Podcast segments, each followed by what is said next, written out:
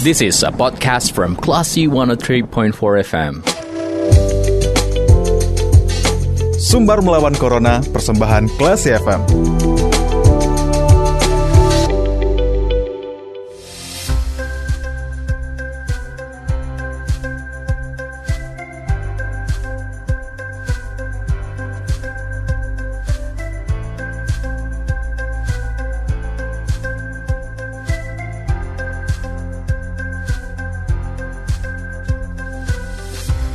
103,4 kelas FM bersama kita lawan Corona. Kelas People, selamat sore. Saatnya Anda mencermati program Sumber Melawan Corona.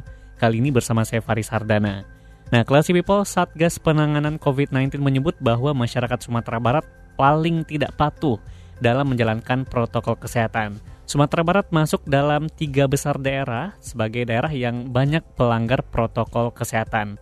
Kemudian juga Badan Pusat Statistik atau BPS Sumatera Barat melakukan survei terkait dengan perilaku masyarakat Sumatera Barat di masa pandemi. Lalu bagaimana hasil dari survei BPS tersebut kelas people? Untuk membahasnya kita sudah terhubung bersama Kepala Badan Pusat Statistik Sumatera Barat ada Ibu Insinyur Herum Fajarwati. Assalamualaikum Ibu Herum. Waalaikumsalam warahmatullahi wabarakatuh. Sehat Ibu? Alhamdulillah. Gimana suara saya bisa? Uh, agak kecil sebenarnya Bu, tapi mungkin kalau misalkan lebih dibesarkan mungkin mudah-mudahan bisa terdengar oleh kelas people yang sedang mendengarkan kita di sore hari ini. Ya, mudah-mudahan ya bisa ditangkap ya. Insya Allah. Sih, maaf Uh, terkait dengan survei yang dilakukan oleh Badan Pusat Statistik Sumatera Barat, Bu Herum, boleh dijelaskan uh, bagaimana dengan hasil survei terkait dengan perilaku masyarakat di masa pandemi COVID-19? Ya, jadi survei yang kami lakukan itu terbatas juga ya jadwalnya, yaitu 13 sampai 20 Juli. Tentunya itu persepsi responden apa yang dirasakan yang dilihat uh, pada keseharian responden dan hmm. kami ikuti tanggal 13 sampai 20 Juli itu. Dari survei yang kami lakukan ya secara keseluruhan kita melihat bagaimana perilaku atau kepatuhan masyarakat terhadap prokes. Hmm. Kalau kita lihat secara umum semakin tinggi pendidikan masyarakat itu semakin mematuhi protokol kesehatan. Yeah protokol kesehatan di sini yang kami tanya itu ada lima macam memakai masker satu masker ada uh, kemudian memakai dua masker kemudian cuci tangan dengan sabun atau menggunakan hand sanitizer hmm. menjaga jarak minimal 2 meter dan menghindari kerumunan dan yeah. ada pertanyaan-pertanyaan lain yang terkait dengan perasaan uh, responden selama covid ini kemudian penilaian bagaimana terhadap pelayanan uh, pemenuhan kebutuhan hmm. baik kebutuhan pokok maupun vitamin ataupun pelayanan kesehatan. Nah terkait dengan banyaknya pelanggar protokol kesehatan yang ibu katakan tadi itu juga berkaitan dengan uh, tingkat pendidikan masyarakat ya ibu. Iya. Tingkat pendidikan masyarakat. Kalau di Sumatera Barat itu seperti apa atau di mana saja survei ini dilakukan sehingga didapatkan angka kalau Sumatera Barat itu berada di nomor tiga paling rendah di Indonesia. Ya, kalau yang nomor tiga, uh, saya jelaskan dulu bahwa yang nomor tiga itu bukan dari hasil survei ini ya. Iya. Mm. Itu terpisah. Jadi kalau dari surveinya BTS kita belum meranking mengenai kondisi masyarakat itu. Jadi itu yang melakukan untuk perankingan bukan dari surveinya BTS. Eh, kalau yang dilakukan oleh BPS ini survei ini terbuka iya. kemarin yeah. secara online, jadi semua masyarakat bisa uh, berpartisipasi dan uh, kami lihat semua dari kabupaten kota di Sumatera Barat ini memberikan partisipasi dengan total responden yang berpartisipasi 3.789 orang. Itu di Sumatera Barat ya, Bu Herum? Iya, hmm. iya betul. Apakah ada relasi antara uh, tingkat ini Bu atau survei yang sudah dilakukan oleh BPS dengan masyarakat yang tidak percaya dengan COVID-19?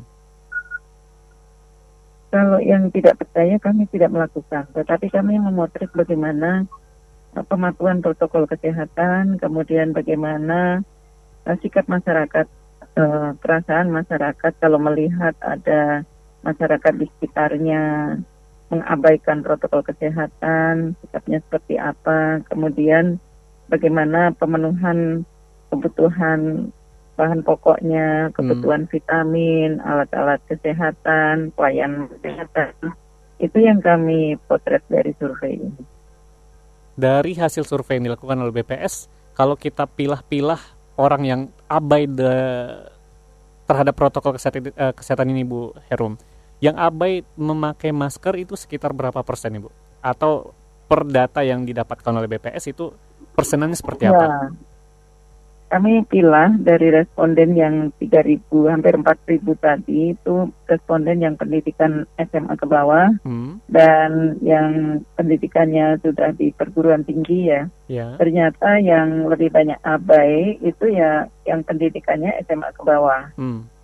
Kemudian berapa besaran yang abai yang abai menggunakan masker satu masker itu kalau yang pendidikan SMA ke bawah itu mencapai 9,3 persen. Hmm. Tapi kalau pendidikannya sarjana itu hanya 2,8 persen. Tapi kalau yang pemakaian dua masker ini nampaknya memang belum banyak yang menggunakan ya. Hmm. Jadi untuk yang masyarakat atau responden SMA ke bawah yang AB ini cukup tinggi, 46,4 persen hmm. AB terhadap pemakaian dua masker. Kemudian kalau yang pendidikannya sarjana itu 38,4 persen. Yeah.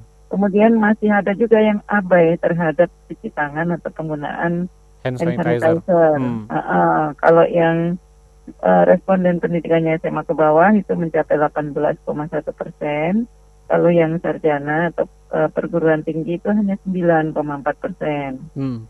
Terus yang abai terhadap menjaga jarak, kalau yang SMA ke bawah mencapai 17,1 persen. Ya. Kalau yang pendidikannya uh, perguruan tinggi 10,8 persen. Ada juga yang abai terhadap menghindari kerumunan. Hmm. Untuk yang SMA ke bawah itu mencapai 13,1 persen. Untuk yang perguruan tinggi hanya 6,5 persen. Jadi ada korelasi positif semakin tinggi pendidikan ya semakin atau terhadap protokol kesehatan nampaknya begitu. Semakin rendah ketaatannya ya Bu? Ya, eh, ketaatannya maksud saya ketaatannya itu berkorelasi dengan pendidikan. pendidikan. Kalau hmm. pendidikannya rendah, ketaatannya lebih rendah. Iya. Kalau pendidikannya tinggi, ketaatannya patung lebih tinggi. Mungkin hmm. kesadarannya sudah lebih baik ya untuk yang berpendidikan lebih tinggi begitu. Hmm. Saya ingin tahu nih Bu kesimpulan dari uh, eh, BPS terkait dengan hasil survei tersebut. Mungkin meskipun secara gamblang tidak mencari data apakah orang ini percaya atau tidak, tapi apakah uh, terkait dengan AB Prokes ini ada relasinya nggak Bu antara orang-orang ini percaya dengan COVID-19 atau tidak seperti itu? Kalau ini bukan masalah percaya yang kita lihat ya. Hmm. Kalau masalah percaya pertanyaannya mesti uh, mengenai percaya atau tidak adanya COVID, tetapi adalah perilaku masyarakatnya yang yeah. tentu ini sangat bermanfaat untuk pemerintah tempat uh, untuk bagaimana mengedukasi masyarakat supaya uh, budaya masyarakat atau kepatuhan masyarakat ini uh, semakin baik karena COVID ini kan masih cukup tinggi ya di Sumatera Barat. Hmm. Di sisi lain juga untuk perbaikan bagaimana uh, pemenuhan kebutuhan masyarakat meskipun kalau menurut hasilnya dari survei BPS yeah. uh, penilaian masyarakat terhadap pemenuhan-pemenuhan seperti kebutuhan pokok, vitamin dan sebagainya itu sudah uh, cenderung mudah. Hmm. Hanya satu yang masih dirasa cenderung sulit itu adalah pemenuhan alat kesehatan yang menunjang. Yeah. Mungkin seperti untuk gas apa oksigen gitu ya itu yang memang uh, lebih terbatas dibandingkan dengan vitamin hmm. atau hand sanitizer, kebutuhan pokok itu yang mungkin di antara uh, eh, kebutuhan itulah yang dirasakan lebih sulit. Kemudian juga dari survei ini menggambarkan bahwa belum tentu semuanya itu karena kesadaran. Ternyata hmm. uh, masalah keluar rumah, perjalanan keluar rumah kalau di dalam kabupaten atau kota karena memang tidak ada penyekatan itu masih dilakukan cukup yeah. tinggi. Hmm. Tetapi begitu perjalanan yang antar kabupaten kota bahkan keluar provinsi karena ada pembatasan-pembatasan, ada penyekatan dan sebagainya, itu jadi lebih rendah selama ppkm. Artinya uh, mungkin patuhnya karena persyaratan-persyaratan atau karena penyekatan ya. Jadi memang uh, kesadaran itu masih perlu ditingkatkan untuk uh, semua masyarakat dan kita semuanya harus peduli. Hmm. Tapi pada dasarnya uh, untuk responden yang sudah mematuhi protokol kesehatan itu ketika melihat sekitarnya itu melanggar protokol kesehatan itu punya perasaan tidak suka artinya hmm. sebetulnya melihat orang yang nggak pakai masker atau masih berkerumun itu sebetulnya nggak suka gitu hmm. tapi ini dari sisi responden ya yeah. bahkan ada yang uh, punya perasaan marah gitu tapi juga ada yang tidak peduli atau biasa saja gitu yeah. Kemudian uh, ada yang merespon juga kalau tadi perasaan kan, hmm. ada yang responnya itu langsung menegur, ada juga yang memberitahukan ke orang lain, mungkin karena dia akan menegur langsung, enak, ada ya? perasaan kurang enak, hmm. jadi melalui orang yang lebih bisa didengar, barangkali ada juga yang seperti itu, yeah. tapi juga ada yang membiarkan saja, bahkan yang membiarkan saja ini dari responden sebanyak tadi itu ada 26,3 persen responden kalau melihat mereka nggak suka sebenarnya uh, ibu tapi nggak nggak berani untuk ngomong jadi dibiarin ya, aja seperti uh, itu nggak uh, suka tapi diam saja gitu hmm. membiarkan saja ya mungkin karena melihatnya uh, kita sambil jalan yeah. atau apa nggak kurang berkerumun nggak uh, memungkinkan juga untuk langsung menegur yeah. begitu nah Bu Herum survei yang dilakukan BPS ini akan dilakukan berkala nggak Bu? Mungkin untuk melihat kira-kira ada kecenderungan peningkatan kesadaran nggak seperti itu? Jadi pada prinsipnya survei ini kan uh, dilakukan untuk memberikan informasi kepada pemerintah ya. Dan hmm. semua provinsi juga akan merilis sehingga masing-masing provinsi dengan uh, tingkat kesadaran yang berbeda-beda tentu akan bermanfaat bagi Satgas COVID di masing-masing daerah juga secara nasional. Hmm. Jadi nanti tinggal uh, respon pemerintah bagaimana dengan adanya survei ini. Kalau dirasa ini menjadi penting sebagai informasi yang terkini, katakanlah untuk pengambilan kebijakan, hmm. tentu uh, BPS juga akan mendukung yeah. apa yang diinginkan oleh pemerintah. Begitu. Baik, terakhir Bu Herom, ini terkait dengan uh, sebelumnya Satgas COVID-19 sudah mengeluarkan data bahwa Sumatera Barat masuk tiga besar daerah yang paling tidak taat terhadap protokol kesehatan. Kemudian BPS Sumatera Barat melihat bagaimana perilaku masyarakat melalui surveinya. Apa rekomendasi yang diberikan oleh uh, eh, BPS Sumatera Barat terkait dengan hasil survei ini kepada pemerintah, Bu?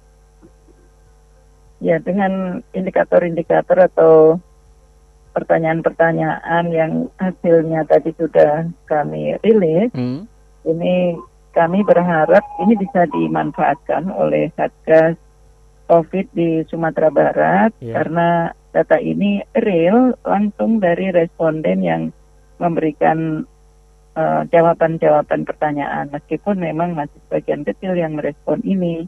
Bila perlu mungkin Satgas uh, COVID Sumatera Barat bisa mengadakan survei yang khusus untuk Sumatera Barat dengan skala yang lebih besar sehingga bisa menggambarkan masing-masing kabupaten kota. Artinya survei semacam ini bisa dikembangkan untuk indikator-indikator yang ingin dilihat. Hmm. Seperti tadi pertanyaan, apakah karena tidak percaya? Nah itu surveinya BPS tidak mempertanyakan itu gitu. Tapi kalau Sumatera Barat ini ingin melihat lebih jauh hmm. pertanyaan-pertanyaan, uh, kami bisa membantu juga yeah. nanti hmm. untuk membuat survei semacam ini dengan pertanyaan-pertanyaan yang disesuaikan dengan kebutuhan di Sumatera Barat. Tapi dari hasil tapi dari hasil survei sekarang itu nggak bisa menarik kesimpulan sampai ke sana ya, Bu?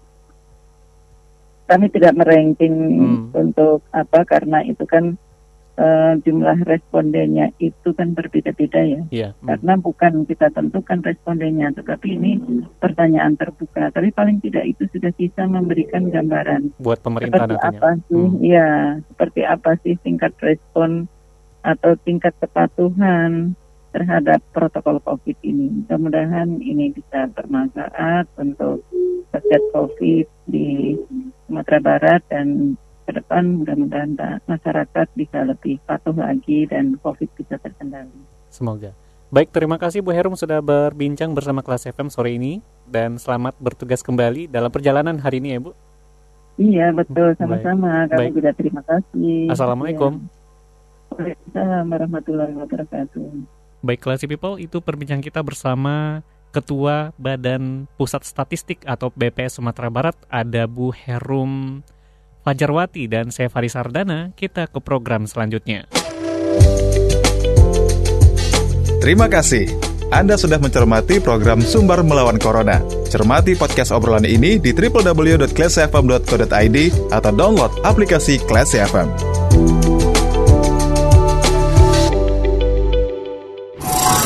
This is a podcast from Classy 103.4 FM.